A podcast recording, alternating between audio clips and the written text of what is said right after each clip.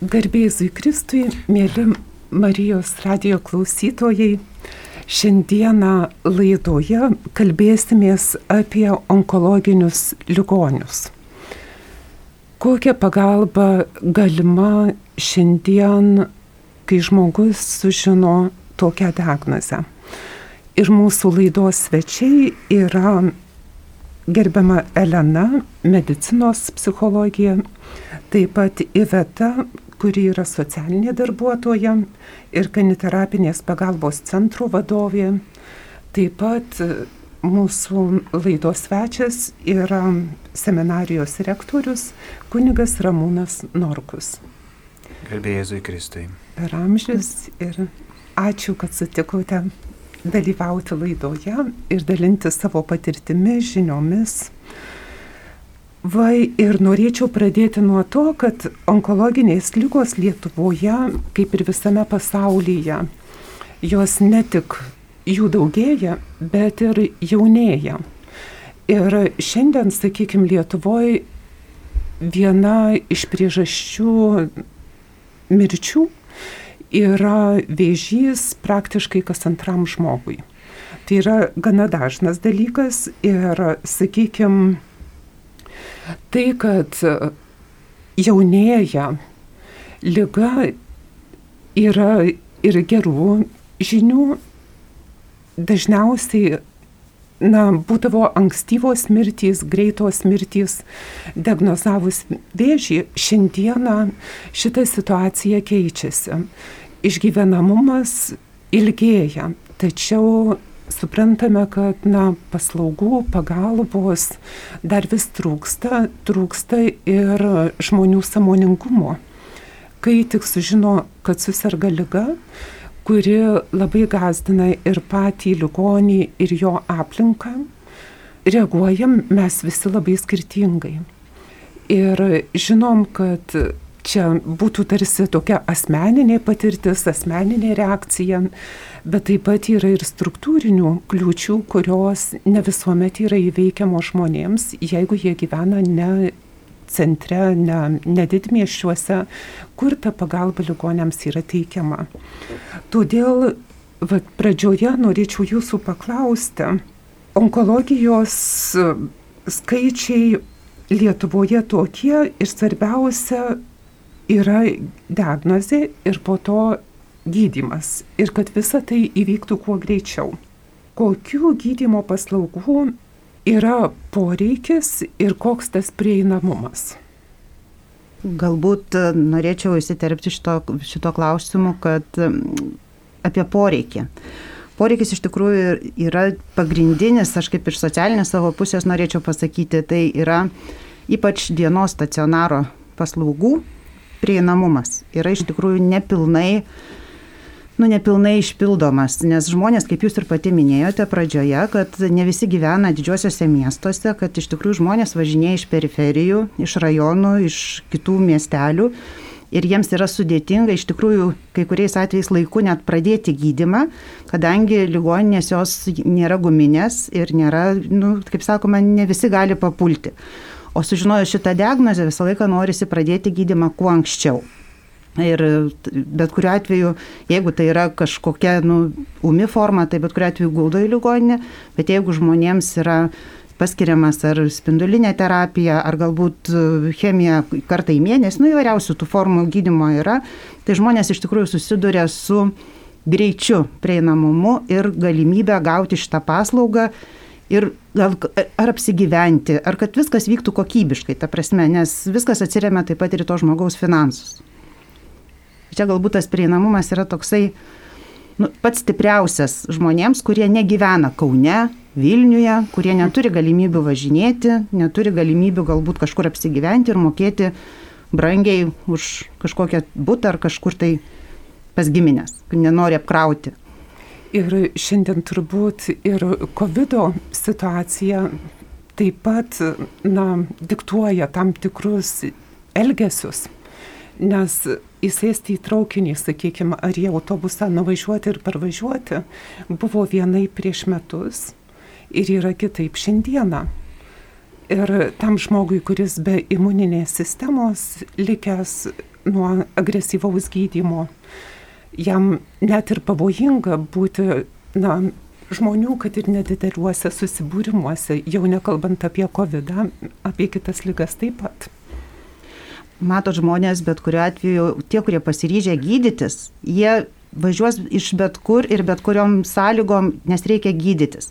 Kiek esu girdėjus, nes mes nuo 2015 metų kaip kaniterapinės pagalbos centras mes lankomės vaikų onkologiniam ir onkologijos mhm. hematologijos klinikoje ir tikrai labai daug istorijų girdėjom, labai daug atsiliepimų ir tokių godų padėjavimų žmonės iš tikrųjų tie, kurie guli ligoniniai, kiti net sakė, mes kaip ilgai laukiam, kol atsigulėm į ligoninę. Sako, tikrai jau ir nervai ant ribos, nes norim, kaip, kaip yra sakoma, o jeigu jau kur nuropojo, o jeigu jisai kur nuropojo, o mhm. dar spindulinis nusikelia mėnesių, dviem. Tai čia ir iš tikrųjų yra psichologinis labai stiprus momentas, nes žmogus tiesiog jisai jau ir psichologiškai save ėda. Ne tik vėžys, kaip, kaip galima sakyti, bet jisai pats save ėda. Mm, bet jisai ne, nerimas yra taip, kad jisai negauna laikų gydimo. Ir tai yra labai svarbu visa šita grandinė, kad žmogus sužino, kad yra lyga, sužino, kad kuo greičiau gautų gydimą, visas socialinis ratas, ta prasme, kur jisai gali apsigyventi, jeigu negauna nu, ligoninį mhm. vietos. Bet čia turbūt reikėtų sustoti ir paaiškinti, kad nebūtinai viskas vyksta ligoniniai, stacionariai, Taip. gali būti ir ambulatorinis paslaugų teikimas. Taip, nes yra spindulinės terapijos, yra pavyzdžiui chemijos. O ką reiškia spindulinės terapijos? Spindulinė terapija tai yra nu, radioterapija, kuri, ta prasme, žmogui skiriama ir 15, ir 25 mhm. kartai, ir turi žmogus važinėti kiekvieną dieną, išskyrus šeštadienius, sekmadienius. Ir tai yra 15-20 minučių. Tai yra dviejų procedūra. minučių. Pati procedūra spindulinė yra dvi minutės. Ateini ten, jeigu pagal savo laiką, tai labai trumpai. Ir jeigu žmogus guli ligoninė, tai jūs įsivaizduokit, jisai visą dieną, saliginai žmogus gerai jaučiasi, galima sakyti, ir jis visą dieną yra toje aplinkoje, kartu su galbūt sunkesniais ligoniais, girdi vien tik tai blogas, Liga. girdi lygą, vien blogos mintis ir tai jam nepadeda sveikti. Tikrai mhm. nepadeda sveikti yra žymiai geriau, jeigu žmogus iš kažkur galėtų atvažiuoti. Nu, jie, aišku, yra žmonės, kurie nori būti ligoniniai, nes nu, kitiems yra galbūt saugiau ir jie jaučiasi kitaip, bet yra žmonės, kurie nenori. Ir tos pagalbos iš šalies tikrai labai labai mhm. reikia ir trūksta. Taip. Ir tada gal galėtumėt papasakot apie iniciatyvas, kokios yra galimybės, kai mhm. žmogus išgirsta, na, jau kai sužino savo gydymo planą. Na, matot, galbūt e, truputėlį e, išgirdus diagnozę ne visą laiką žmogus e, tą prasme supranta, nes tai yra baime, tai yra, na, visokie jausmai, ir, o gydytojai, aišku, jie labai užsijėmė ir ne visą laiką turi laiko paaiškinti. Čia labai svarbu informacija, tikslinga informacija apie gydimą, nes gydimas būna labai specifiškas iš tikrųjų. Labai bijo gydimo žmonės, bijo pačios diagnozės, bet, na, šiais laikais medicina žinot, nestovi vietoje ir, ir diagnozė vėžys tai tikrai yra nenuosprendis. E, bet dar labai svarbu būtent e, pagalba artimiesiam na, artimieji išgyveno tos pačius jausmus, sužinojo tą diagnozę, tačiau šitos pagalbos labai trūksta. Tai vad jūs klausėte, kokios iš tikrųjų reikia pagalbos, tai reikalinga psichologinė pagalba visai šeimai, visai aplinkai to žmogaus. Padėti visiems ir čia, ir dabar. E, tačiau šiuo atveju, aišku, mūsų pagalbos yra Na, labai mažai, psichologų yra mažai ir būtent specifinių psichologų, kurie dirba su lygom, žino tikrai lygą, nes matot, e, vat, kuom skiriasi medicinos psichologas e, nuo, sakykime, tiesiog psichologų.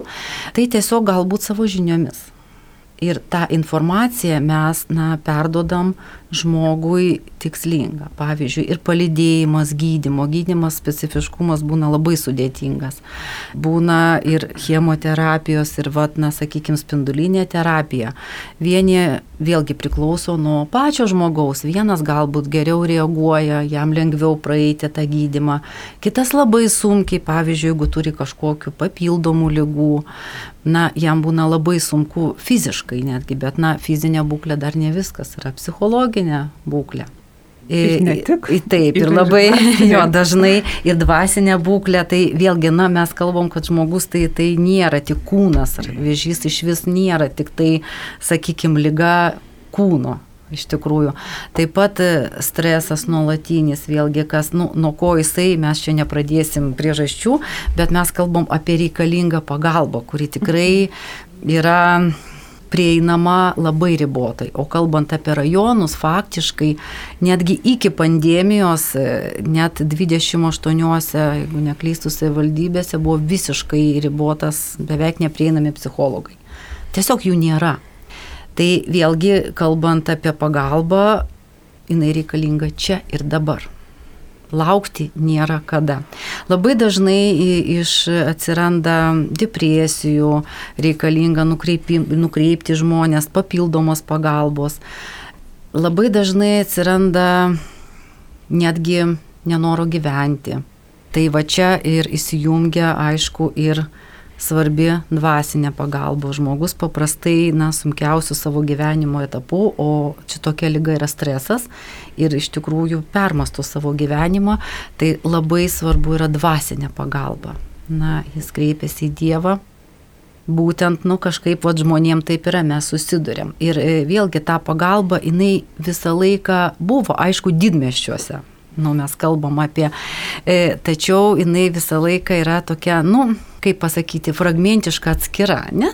Na tai pavyzdžiui, psichologai yra ligoniniai, bet jų yra labai mažai. Visiems padėti jie tiesiog nebespėja pagal savo nu, galimybės, nebeturi tų galimybių. Kunigai taip pat taip pat fragmentiškai. Tai ir yra tas dalykas, kad tai yra Arba, labai svarbu sujungti.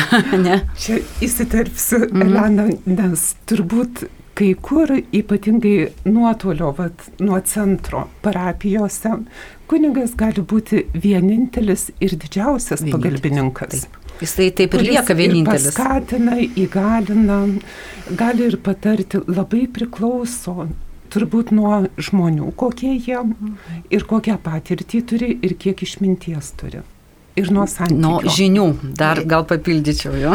Ir dar norėčiau dar tokį irgi akcentą pasakyti, kad e, nuo pačio žmogaus daug priklauso. Ar jisai pats nori eiti tos pagalbos, kiti užsidaro ir visiškai nieko nenori. Mhm. Ir reikia prie to žmogaus surasti prieimą. Taip. Kad jam padėti, nes tai gali būti iš vis, nu, kaip save susinaikins žmogus, gali, jeigu jisai neieškos pagalbos. Ir čia turbūt verta klausytojam paminėti, kad mes kiekvienas į stresą, į tokias žinias, kurios yra egzistencinės. Galbūt mirsiu, bet mirtina lyga, kaip aš į jas reaguoju. Galiu priimti ir suvokti taip, kaip yra, o galiu neikti. Ir jeigu aš nuneigiu, galiu taip neišgirsti žinios, kurią siunčia gydytojas, kuris pasako, kad nu, tavo padėtis rimta, tau reikia pagalbos. Žmogus išgirdęs šitą diagnozę pasimeta. Visų pirma, jis mhm. labai stipriai pasimeta. Ir kad sugrįžti save ir pradėti eiti gydimo keliu ir gauti visą pagalbą nuo psichologinės iki dvasinės ir nuo visų socialinių reikalų, ten irgi pagalbos, tai žmogui reikia dar labai daug praeiti po pirmos žinios. Nes pirma žinia iš tikrųjų, nu, jinai labai stipriausia. Sus, pati stipriausia, taip, jinai labai nu, smugdo. Stipriai. Taip, aš irgi esu praėjęs šitą kelią, onkologinės lygos buvo palietusios ir kaip liudijo psichologė Elena, tos psichologinės pagalbos norėtųsi išėjus iš to kabineto, kai išgirdai, kad visą medžiagą surinkus ir visus tyrimus atlikus, turime išvadą, jog yra piktybinis koks navikas ar dar kas, žodžiu, vėžys. Tada, kai man tai pasakė, gydytojas dar kalbėjo kokią pusę valandos, kažką bandė aiškinti, bet mano galvoj sukosi visas gyvenimas ir prasmė, kiek laiko, kas dabar bus, kaip dabar bus. Tai aš tik tai dėkoju viešpačiui, nes tuo metu išėjęs iš um, gydymo įstaigos, aišku, dar paskambinau mamai, tai dar viena nelaimė atsitiko, kaip, kaip dabar mamai padėti, nes mama labiau sureagavo negu aš pats savy, kad sureagavau. Bet buvau, tada nuėjau į bažnyčią ir maldoje tikrai buvau sustiprintas gal tokia viltim. Na jau kai bus viešpatie, tai jeigu toks tavo planas, gerai aš jam pasivedu. Ir tada truputį taip nurimęs grįžtu į gydimą ir štai gydimą pradedantis gydytojas sako, tai neįsigaskit jūs taip kunigėgi, šiais laikais jau ši diagnozė nebėra nuosprendis. Yra vaistai, yra terapijos, yra gydimas, yra sekimas. Na, va čia pradžioje gal penki metai, po to gal vėl bus pertrauka, nu. Tada man taip iš karto davė daug jėgos, kažkaip atsigavau nuo viso to ir aišku, žiūriu, gydimas duoda gerus rezultatus mano atveju, aišku, gerus rezultatus ir šiai dienai aš džiaugiuosi, kad galiu priklausyti šitai komandai, kuri vieną dieną pasibeldė į mano duris ir sako, turime projektą, turime mintį, turime idėją, turime galimybės netgi. Tai jau apie tas idėjas, galimybės, tai jau pasakokite jūs, Elena ir Iveta. Taip, tai galbūt iš tikrųjų apie šitą projektą, kaip gimė šitą idėją. O gimė jinai iš patirties, iš praktikos ir iš kasdieninių susitikimų klinikose.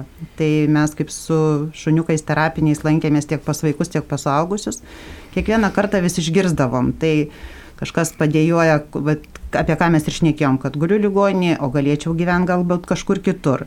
Kitas galbūt sako, va, turėjau galimybę finansinę, tai nuomavausi būtą visai prie pat klinikų, bet ten tai brangu, žodžiu, kad nu, jau ir finansai ne, nebepakeliu. Ir taip vienas pasi, pasigodžia, kitas pasigodė. Ir taip girdi, girdi, girdi, girdi. Ir vieną dieną va, labai smagu, kad Elena pamatė, kad yra toksai kvietimas, yra būtent, kad kviečiama, kažka, kad galima rašyti projektą tiesiog net kitų minčių nebuvo, atsisėdom ir sudėliojom tokį planą, kad žmogui galima padėti tam, kuris nenori gulėti ligonį arba neturi galimybių, arba nori greičiau pradėti gydimą. Svarbiausia yra greičiau pradėti gydimą. Tai ir iš tikrųjų ačiū Dievui, nes mes tikrai tai mūsų pirmas projektas, kurį aplamai rašėm. Ir dar toks, kaip, kaip sakoma, nu, stambus projektas. Ir kad laimėjom, ir kad visa šita mašina užsivedė ir kad jinai važiuoja ir kad dabar poreikis iš vis matom, kad jis auga ir didėja. Skambina ne tik iš tų 28 rajonų, skambina iš visos Lietuvos. Žmonės jau sužino. Ir galiu pasakyti netokį, galbūt čia šiek tiek ir humoro įnešti, kad viena moteris, sakau, nu kaip mes skleidžiam vis tiek žinia apie tą projektą, norim, kad kuo daugiau žmonių sužinotų. Ir viena dabar gyvenanti moteris sako, o žinot, kaip aš sužinojau? Taksistas pasakė. Taip, tai, čia reikia iškomunikuoti pačią esmę. Taip, kas kad, tas projektas? Kad, e, sakykite, gal jūs, Elena, mhm. arba aš sakau, kad, nu, žmonės gyvenantis kituose rajonuose ir norėdami Kaune gydytis, reikia važinėti kiekvieną dieną. Tai brangu. Taigi yra galimybė Kaune gyventi ir teskite jūs toliau, Elena. Tai ne tik tai nu, finansinė galimybė, aišku, čia yra labai svarbu, tai yra, kaip ir minėjau, gydimo specifiškumas. Kartais tiesiog nebeturi sveikatos važinėti vienas dalykas, o kitas tai yra ligoninės aplinka, va, kaip ir minėjau, įvieta. Netaip lengva, o ypač dabartiniam na, sąlygom pandemijos, tai faktiškai žmogus uždaromos ir negali išeiti net iš palatos. Taip. Bet tai net ir finansinės galimybės, nežiūrint to, kad polos kortelė duoda didžiulę mhm. nuolaidą, mm. bet jeigu man reikėtų 15 dienų važiuoti pirmyn atgal iš kokio tolimesnio nu, rajono. Taip, pavyzdžiui, biržai arba 25 kartus. Taip, ir žinant, kad nedarbingumas, Aha. na, yra tikrai ir ypatingai mhm. serga ne tik turtingi bet dažniausiai žmonės, kurie nebūtinai uždirba mhm. didesnius atlyginimus. Taip, ir, ir iš tikrųjų vis vien ir sąnaudas, ir, ir vaistai kainuoja, nu, tai yra daug dalykų, e, kurie iš tikrųjų takoja. Tai vad vėlgi ta psichologinė būklė, vėlgi kalbant apie gydimąsi, kada žmogus ramus, jam labai svarbi ramybė ir, na, tas palaikymas, palaikymas ir psichologinis, ir dvasinis. Vat iš tikrųjų dabar žmonės gyvena arkiviskupijos svečių namuose. Tai, tai čia yra galimybė. Gal reiktų labai įvardyti, mhm. kas tas projektas yra. kaip ir minėjau, iš tikrųjų mes iš patirties sujungiam viską, visą tą vat, e, po truputį į vieną bendrą ir e, iniciatyva buvo tokia ir mintis organizuoti onko tarnybą, į kurią įeitų ir socialiniai darbuotojai, ir medicinos psichologai, ir dvasininkai. Ir tuo pačiu teikti žmonėm reikalingą apgyvendinimą visą gydimosi laikotarpį. Ir nebūtinai gydimuose, žmonės kartais reikia atvažiuoti patikrai, tyrimam ir paprastai tai užtrunka laike. Kartais atsitinka taip, kad aparatai sugenda, būna profilaktika. Ir žmonės atvažiuodami tyrimam lieka va, tiesiog, jam pasako, atvažiuok rytoj. Taip reikalinga, na, va, tiesiog ir, ir, ir na, tai yra pasimetimas, tai yra stresas, tai va šita pagalba jokio skirtumo, ar tai, tai yra gydimas, ar tai yra aplamai medicinė pagalba, kuri reikalinga žmogui, kokia ji bebūtų. Tai čia galima sakyti taip, kad žmogus, kuris susirga, gauna diagnozę ir kuriam yra paskiriamas gydimas arba tyrimai. Ir jeigu tai vyksta ilgiau negu vieną dieną, šitas žmogus gali kreiptis į, į jūs. Į onko tarnybą. Į onko tarnybą. Ir jis gauna nemokamą apgyvendinimą. Apgyvendinimą psichologinę pagalbą ir taip, ir dar vad dadėsiu, kad taip, taip, tai yra kaniterapija, tai yra mūsų keturkoji terapeutai labai padeda teikti va tą psichologinę pagalbą. Galbūt apie kaniterapiją truputėlį pasakys daugiau vieta, tai yra jos rytis. Dvasinę pagalbą teikia e, arkiviskupijos kunigai e, visi ir netgi seminarijos labai padeda mums studentai, negaliu studentais vadinti, ne? Kaip tiksliai vadinasi. Taip, mes esame tikrai nuoširdžiai įsitraukę mm -hmm. į šitą projektą, nes žmonės atvykę iš kitų rajonų ir šiuo metu besigydantis gavo apgyvendinimą kuris yra pagal projektą ir jiems nieko nekainuoja. Tiesiog kai kurie nori pasikalbėti su kunigu, kai kurie tiesiog gal nedrįsta tų kunigų, tada ateina studentai arba studentai pakviečia dar prieš karantiną, bent jau tai buvo. Pakviesdavom mes pas save į bendrą agapę, kažką pasidalindavom, kokio mintim arba gal kokie dainą sudainuodavom paprasčiausiai. Ir tai gimdavo tokia draugystė. Gimus draugystiai, pasirodo, žmonės širdyje turi daugybę klausimų ir to kunigėlį norėčiau paklausti, ir to norėčiau paklausti. Ir man įdomu, ką bažnyčia sako apie tą ir apie aną. Ir daug tų klausimų kyla, tai mes tik tai džiaugiamės, kad galime padėti.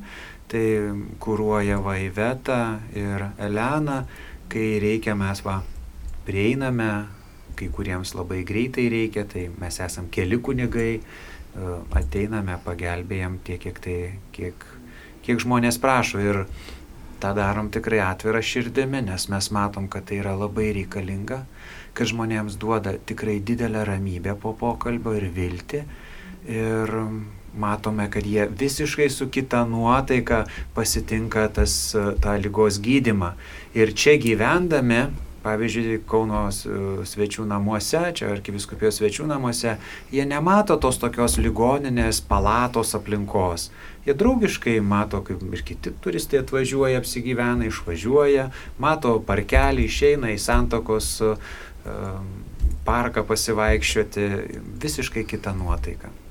Yra moteris viena, aš nugaliu tai šiek tiek taip pat įnešti kitos galbūt nuotaikos. E, gyveno praeitą, čia praeitą savaitę mhm. ir jinai moteris nu, jinai sako, aš grįžtu, man ramu, viskas tvarkoji, jinai viskom patenkinta. Ir aš taip užklausiau, matau dvasinga labai moteris, sako, ar jūs žinot, kas kaimynai jūsų? sakau, einam, sakau, prie lango, aš jums parodysiu. Štai čia, sakau, gyvena arkivyskupas, čia gyvena, sakau, kardinolas. Jūs reikėjo matyti moteriškės veido išraišką. Jis tiesiog, jin pasijuto kaip dangui, aš nežinojau, jinai tokia laiminga Sako, aplinka aplamai man padeda, o dar su tokiais kaimynais, nu, tiesiog, matyt, moteriai labai tai, kaip sakoma, tiko. Bet aš dar šiek tiek norėčiau įsiterpti, mes kalbam šitą projektą tik, kad apgyvendinimas, psichologinė, dvasinė pagalba, šitas projektas apjungia daug daugiau. E, yra Kauno onko bendruomenė, kuri jau gyvoja šešis metus.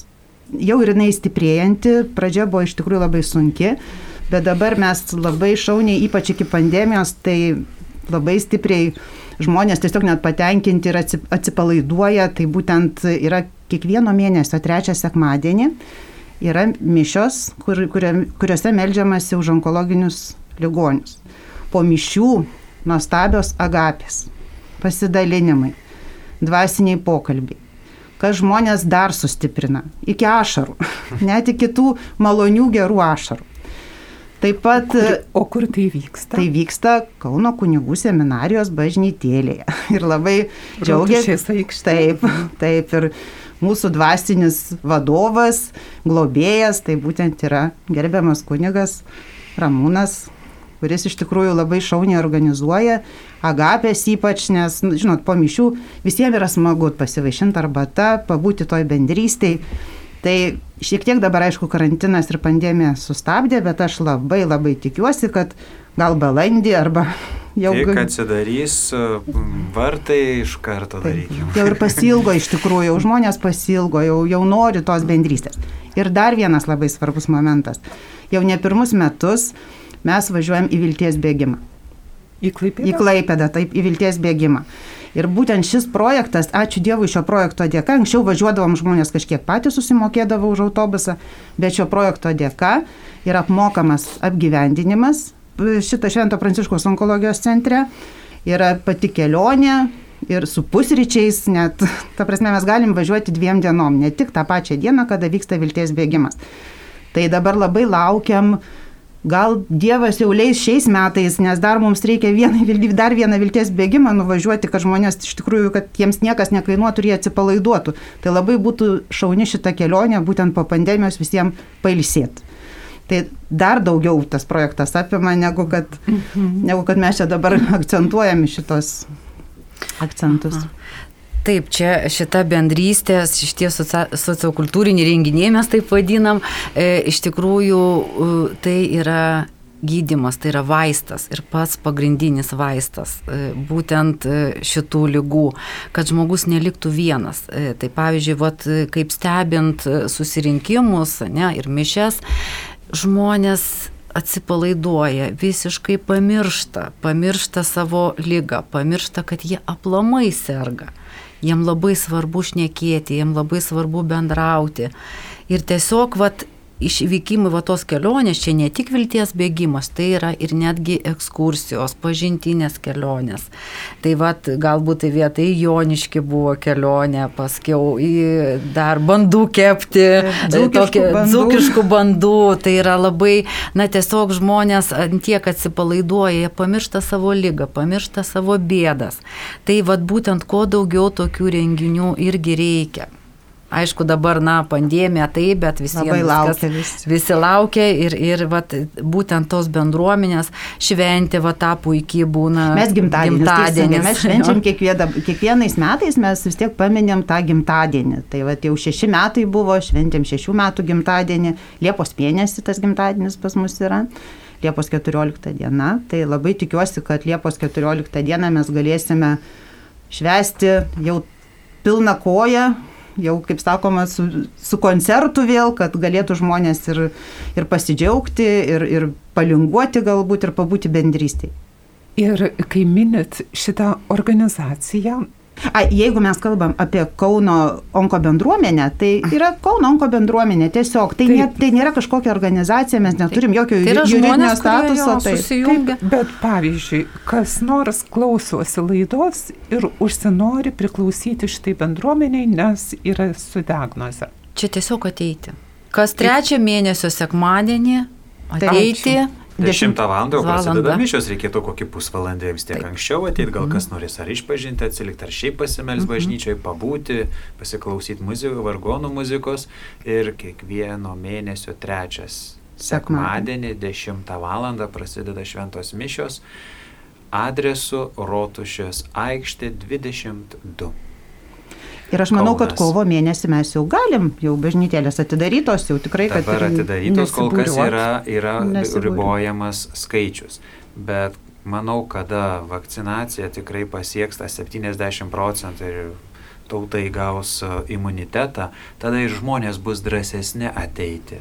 Dabar dar, na, jie svarsto, labai daug svarsto, eiti, neiti, arba labai man reikia, o gal dar, dar pakentėsiu. Tai šis, šis momentas yra toks. Tiesiog laukiam, ateis ta diena, išaus tas rytas, kada užmiršime, kaip kad esam užmiršę prieš šimtą metų irgi buvusią pandemiją. Ir aš norėčiau gal, kaip jūs sakot, kaip žmogui sužinot. Tai jeigu dabar bažnyčia atidaryta, kad ir ribojamas yra skaičius, tai gal reiktų pakviesti, kad bent pas jūs kunigė ateitų, bent prisistatytų, kad nori tą bendruomenę. Kad kas norėtų, pavyzdžiui, ateiti sekmadienį ir pasakyti, aš noriu į šitą bendruomenę. Tai... Dabar gal klausant šitą laidą, tiesiog reikėtų žmonėms internete įeiti į Kauno kunigų seminarijos mm. puslapį ir ten rasite uh, mano kaip rektoriaus arba kaip prefekto kunigo kestučio telefono numerius man atrodo, tai bus lengviausiai susirasti ir na, paskambinti tuo numeriu, tada mes va, pasakysime, ar jau pilnai atidarom duris, ar renkamės, o aš turiu ir ponios Elenos, ir Ivetos telefono numerių, sakysiu, jau kviečia, jau laukia, jau žmonės nori šitoje draugijoje būti, tada užsirašome vardą, telefono numerį ir tikrai susisieksime ir pranešime. Yra dar Facebook paskyroje, aišku, galbūt ne visi dalyvauja, bet iš jaunesnių žmonių tai tikrai yra Kauno Onko bendruomenė. Yra atvira grupė, į kurią galima pasiprašyti ir mes tikrai prijungiam, jinai tikrai surandama laisvai yra. Tai ir, gali, ir mato, žmonės mato viską. Kas organizuojama, kas yra planuojama ir bendrauja. Ir dar laidos pradžioj minėjot, kad nu, žinia, diagnozė yra sunki ne tik ligoniui, bet jo artimiausiems. Ir jie irgi įvairiai reaguoja. Kartais atsitraukia nuo sergančiojo, nes bijo įskaudinti, bijo per arti būti, netinkamai paklausti. Kokią pagalbą ar kokį patarimą galima būtų pasiūlyti artimiausiems šeimos nariams? E, na, iš tikrųjų, artimieji išgyveno tos pačius jausmus, kaip ir minėjau, kaip ir pats ligonis. E, ir su lyga, na, reikia laiko susitaikyti. Vat kaip jūs minėjote tą neįgymą, tai yra, na, gedulo reakcijos pirma stadija, pirmas tas žingsnis. Ir pasireiškia visiems iki vieno. Artimieji taip pat išgyvena tą patį neįgymą, jie negali patikėti. Tokiu atveju tiesiog, va tai ir yra mūsų darbas e, specialistų dirbti paaiškinti, ne? kalbėti, kaip bendrauti su to žmogum. Ir dažniausiai daromos klaidos, kad jisai izoliuojamas, su juo nebendraujama. Bet priežastis yra paprasta - bijoma įžeisti, bijoma pakengti. Tada žmogus susidaro ir, na, mes turim, ką turim, dažnai turim ir depresijų, ir netgi, netgi savižudybių. Jis jaučiasi paliktas. Tai mes turim patirtį, vat mes dirbam jau du metai kartu ir, na, aišku, aš galiu taip teikti, kad tikrai išgelbėjom ne vieną gyvybę. Ir dar vienas dalykas, aišku, kartais yra tokių stadijų, kurios jau nebepagydomos arba negydomos e, labai jau toli pažengia. Tai tada mūsų pagalba yra pagalba išeinant. Mes irgi turim tokių atveju, mes palidėjom ir vieną grupės narį, ne vieną, aišku, iš mūsų išėjo jau, nu, ne vienas žmogus, bet va, būtent ta ryški pagalba, na, tiesiog mes buvom kartu iki pat paskutinės dienos visi. Ir paskutinis buvo prašymas to žmogaus grupės, kad tiesiog už jį pasimelsti. Iš tikrųjų tai buvo labai skaudi visiems, visiems pažinojusiam, bendravusiam, mes va turėjom tą savitarpio pagalbos grupę. Tai mes paprašėm kunigo Kestučio mišių, kas negalėjo dėl sveikatos ateiti nuotolinių prisijungė prie tų mišių ir mes visi meldėmės kartu. Ir tarsi, tarsi tas žmogus buvo šalia, va tas paskutinis pagalba išeinant. Ir tai palengvino aišku ir pačių žmonių, kurie buvo šalia, sergančiųjų, jiem nebuvo tai baisu tas išėjimas. Ir tai, ką jūs sakot, man atrodo, yra labai svarbu artimiesiems žinot, mhm. kaip sergančiam svarbi jų bendrystė, buvimas šalia ir turbūt neišsi, nu, išsigastam visi Bet kaip mes reaguojam? Reikia palaikymo, o ne dramatiško elgesio. Tai turbūt kiekvieną save turim susirinkti, o Taip. prie ligonio eiti. Labai tokiu atveju, kada sergi, yra noras to normalaus bendravimo, toks, koks buvo iki tol. To paties ir, ir, ir, ir nori ir, ir, ir kartu ir su dviračiu išvažiuoti, jie visi važiuoja. Nori kartu ir prie stalo sėdėti, jie visi sėdi. E, Žiūrėti tą patį filmą. Ir artimieji dažnai būna, jie įsitempia, jie nežino, gal netai pasakysiu, gal net, gal net tokį filmą, gal kažką, gal taip ar anaip, nu jie tau tas, kuris serga, jeigu jis neturi jėgų, jis pasako, aš neturiu jėgų, aš biškai nueisiu, parisėsiu, bet jis nori būti toje bendruomenėje. Tai va, ponia Lena ir Iveta tiesiog, na, truputį pralaužia tos mūsų širdies susikaustimų ledus, vieni su šuniukais, kiti su gerų žodžiu, kiti su malda, kad junkimės visi, mes esame kartu, niekas čia niekuo nesistebim, kažkaip nesidyvijam, kaip sako liaudis, bet esame kartu, kalbamės, juokaujam, klausom muzikos, melžiamės, išvažiuojam į eks- ekskursiją. Nu, žodžiu, visi kaip tik tai vieni serga ir važinėja dar į terapijas, o kiti tiesiog būna šalia ir palaikom tą draugystę. Ir tas draugų artimųjų bendravimas iš, iš, iš tikrųjų neturėtų keistis.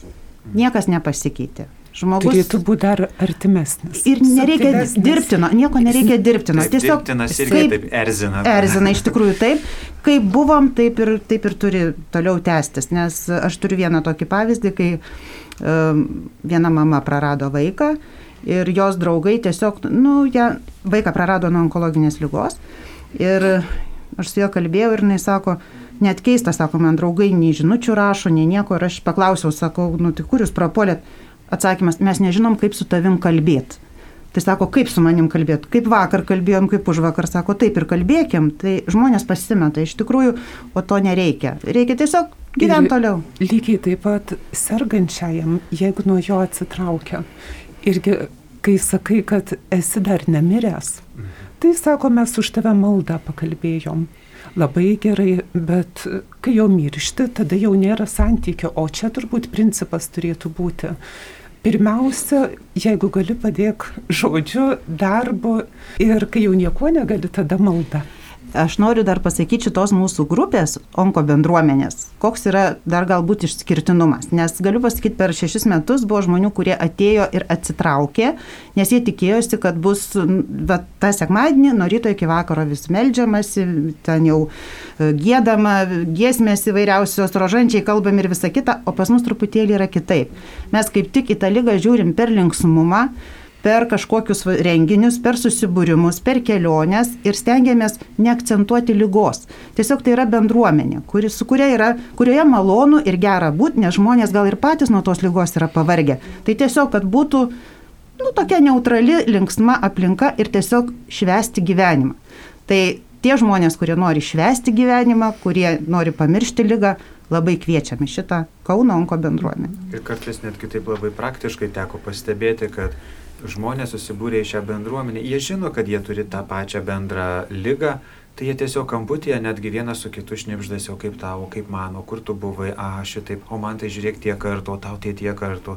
Nu, vienas kitą, pa, nu, kažkaip... Bet jie patys to Taip, nori. taip, jie Taip. patys nori pasikalbėti, pasidalinti, patarimo gal paklausti. Ar...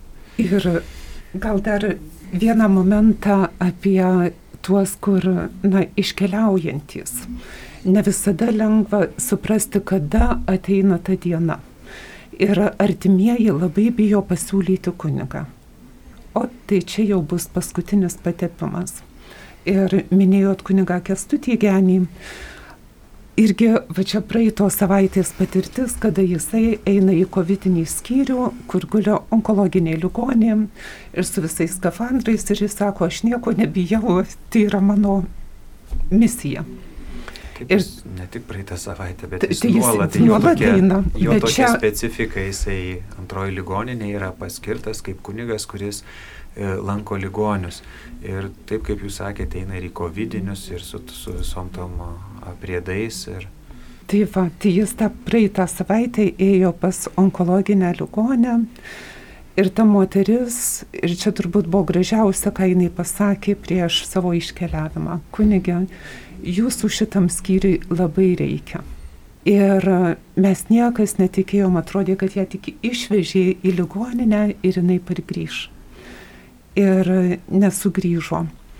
Ir kai galvoji, taip žiūrėdamas atgal, ką galėjai geriausio duoti šitam žmogui, tai turbūt didžiausia dovana buvo to kunigo ateimas, kuris ją sustiprino. Ir mes turbūt kalbam va, apie aktyvų gyvenimą, tol, kol tu pajėgi, tu visom savo galiom bendrauji, o kai jau negali, tada belieka turbūt tik tais artimiausias kunigas. Taip, Prieš yra. keletą metų, kol dar tikrai nebuvo pandemijos ir galima buvo laisvai ateiti į klinikas ir Kaune buvo brolis Juozapas Marija Žukauskas. Iš tikrųjų labai aktyviai ir geranoriškai jisai lankydavo tiek vaikus onkologiniam skyriuje, tiek pasaugusius onkologijos hematologijos klinikoje. Net kalėdinis, galiu tokį pasakyti pavyzdį, kalėdinis kaip ir jo apsilankimas, nes nu, prieš pučias kitigi žmonės guli ir negali namo išvažiuoti. Tai būtent šitos klinikos psichologija jam ant raštelio, ant lapelio atnešė 10 palatų surašyta, į kur jisai turėjo ateiti. Tai aš pati jį vežiau, ta prasme, aš paėmiau jį nuo bažnyčios, po to parvežiau, tai Nu, jis užtruko ten ilgai. Iš tikrųjų, žmonės po to jau į vieną palatą, į kitą, o po to finale net mačiau koridorių susibūrė. Ir tokia bendrystė, net koridorių visi kalbėjo, net galbūt ir tie, kurie tam raštelį nebuvo. Bet tiek atsipalaidavo ir visi pabuvo.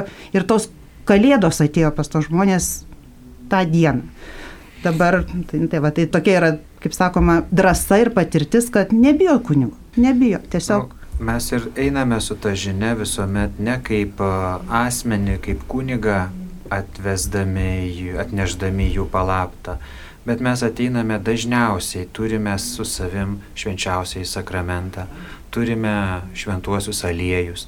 Kai kurie žmonės tiesiog sako, kunigė, tiek, tiek yra sunku man šitoje situacijoje, gal galite man suteikti ligonių patepimą, kad man ir viešpats dar padėtų šitoje lygoje. Nu tai yra nuostabu. Tai ir yra tikroji misija kunigo ateimo - atnešti Kristų, kuris padeda. Žinoma, kai mes kalbame apie žmogų, kur tikrai jau objektyviai žiūrint yra skaičiuojamos dienos ar valandos, žinoma, tada kunigas palydi irgi švenčiausių sakramentų ir šventų aliejų patepimu, kad tavo siela gyventum žinai. Tai yra tu, kad gyventum amžinai su viešpačiu. Tai tokia mūsų tai yra misija ir kaip jūs sakot, kad susibūrė palatoje, dažnai būna, mums pasako, dešimt žmonių šito skyriaus nori atlikti išpažinti ir priimti komuniją. Mes beveik visada dedam 15-18 šventos komunijos e, ostijų, nes žinome, kad būdami palatoje kiti žmonės irgi pakelia ranką kunigė, nenorėjau, bet gal dabar prieik. Atsipalaiduoja, pamato, kad... Palaimė. Taip, jei kažkaip žmogus galvoja, ateina kunigas, tai su tokia tarsi bažnyčios varpinės įeis į vidų, čia melsimės, pulsim ant kelių, čia visai čia bus, bet kai jie mato, atėjo žmogus, bet jis atėjo su Kristumi, su vata vilties žinia. Ir tada jie visai kitaip sureaguoja ir prieikite, sako, gal ir prie manęs tada, palaiminkit mane. Kitas, prieikit ir prie manęs, perduokit mano gydytojai, kad jinai ateitų. Ir tai mes darom. Nainam, pasakom, gydytoja, jūs kviečia ten prie tokios ir tokios lovos. tai tokių visokių būna tų nutikimų, bet tikrai gera ateiti žmonėms atnešti viltį, atnešti ramybę. Ir turbūt galima drąsinti žmonės, kad kai ruošiasi važiuoti operacijai ar tokiam rimtam gydimui, yra gerai kreiptis į kunigą ir paprašyti ligonio sakramento. Taip, ir yra tam skirtas Atgaivos. ligonio sakramentas, kad jisai sustiprintų šitoje lygoje. E, iš senų laikų tas yra likęs toks iškomunikavimas, kad to kunigo nelabai taip, kaip pasakyti, neturėdavo gal tokio draugiško santykio, tai tik taip pakviesdavo tą kunigą jau kai mamytė arba tėvelis jau beveik merdėja. Tai ir gavosi tokia mintis, kad jau kunigas, kai atėjo, jau viskas, mirs žmogus. Ne, kunigas, kai atėjo, jis atnešė viltį. Tas žmogus ir pasveiks. Ir jeigu žmogus yra toje pačioje lygoje, jis netgi kas pusę metų gali paprašyti ligonių sakramento, tai yra ateis kunigas ir tep šventais aliejais. Netgi pačios bažnyčios yra nuostatose, kas pusę metų galime pakartoti. Tai tikrai tai nėra paskutinis patepimas, nėra. Nors reikia objektyviai pasakyti, kad ir yra žmonių ir pats turėjau tokį atvejį, kada patepiau žmogų ir nusisukau nuo žmogaus tiesiog nusivalyti pirštus nuo šventų aliejų į vatą ir girdau, išgirdau, kaip įkvėpė ir iškvėpė iš lėto. Tai tuo momentu taip tikrai šiurpu, kaip praėjau, nes buvau ką tik pašventintas kunigas, tai man pirmasis atvejas, kur tiesiog pasidžiaugiau viduje, kad spėjau ateiti. Ir pasidžiaugiau, kad žmogus išlaukė iki to akimirkos. Jis matyt laukė būtent va šito, kad kunigas pateptų ir jis atsipalaidavo ir išėjo pas viešpatį. Gal padrasinant, nežinau, aš iš savo pozicijų galiu pasakyti, tai ligonio patepimą praktiškai galim ir taip pasiprašyti ir nebūdami ligoniniai, nes kada mes išeisim, niekas nežinau. Taip. Taip. Dabar apsukom tokį ilgą ratą, galėtume šnekėti ir šnekėti, bet grįžtant į mūsų pradžią, kad tų netolygumų sveikatos priežiūros ir gydimo prieinamumo būtų mažiau, ką mes turim daryti, jeigu diagnozuojama lyga, paskiriamas gydimas, o aš gyvenu už keliasdešimt ar net ir šimtos virš kilometrų nuo Kauno. Ką turiu daryti, jeigu norėčiau apsistoti savaitai, dviem, trim į ką kreiptis? Tai kaip ir minėjau, šiuo metu vykdomas tas projektas, kuri pagalba na, yra nemokama, e, tai yra, nėra nemokama, už žmogų sumokėta. Ne? Tai šitoj vietoj visas, visas šitas ir, ir kelionės, ir, ir apgyvendinimas, e, viskas eina į tą patį ir psichologo pagalba. Bet kartais, na, žmogui labai sunku tos iniciatyvos imtis. Ne? Tai tiesiog paimti ir paskambinti telefonu, e, ieškoti informacijos, žino gydytojai, visų klinikų gydytojai tikrai žino šitą informaciją visi. Tiesiog klausti, ieškoti pagalbos. Taip, taip, onkologai e, ieškot pagalbos, tiesiog vat, mes ir vadinamės taip, onko tarnyba, tai yra ta iniciatyva. Tai va labai mes tikimės, kad na, kažkaip dėsim pastangas visas, kad tai ir tęstųsi šitą pagalbą, nes mes matom iš tikrųjų tą poreikį, didžiulį poreikį šitos pagalbos, bet žinot, projektas yra labai ribotas ir, ir faktiškai jau jisai eina į pabaigą, tai vad, kas bus, mes irgi nežinom, bandysim prašyti pagalbos, pagalbos galbūt žmonių, galbūt įstaigų, galbūt, sakykime, valdiškų įstaigų. Bet šiuo metu viskas vyksta, o kai bus ten rytoj, tai mes to nežinom, tai mes turim tą labai vilti ir melsimės, kad vis tik tai Dievas padėtų mum, mum padėt žmonėm.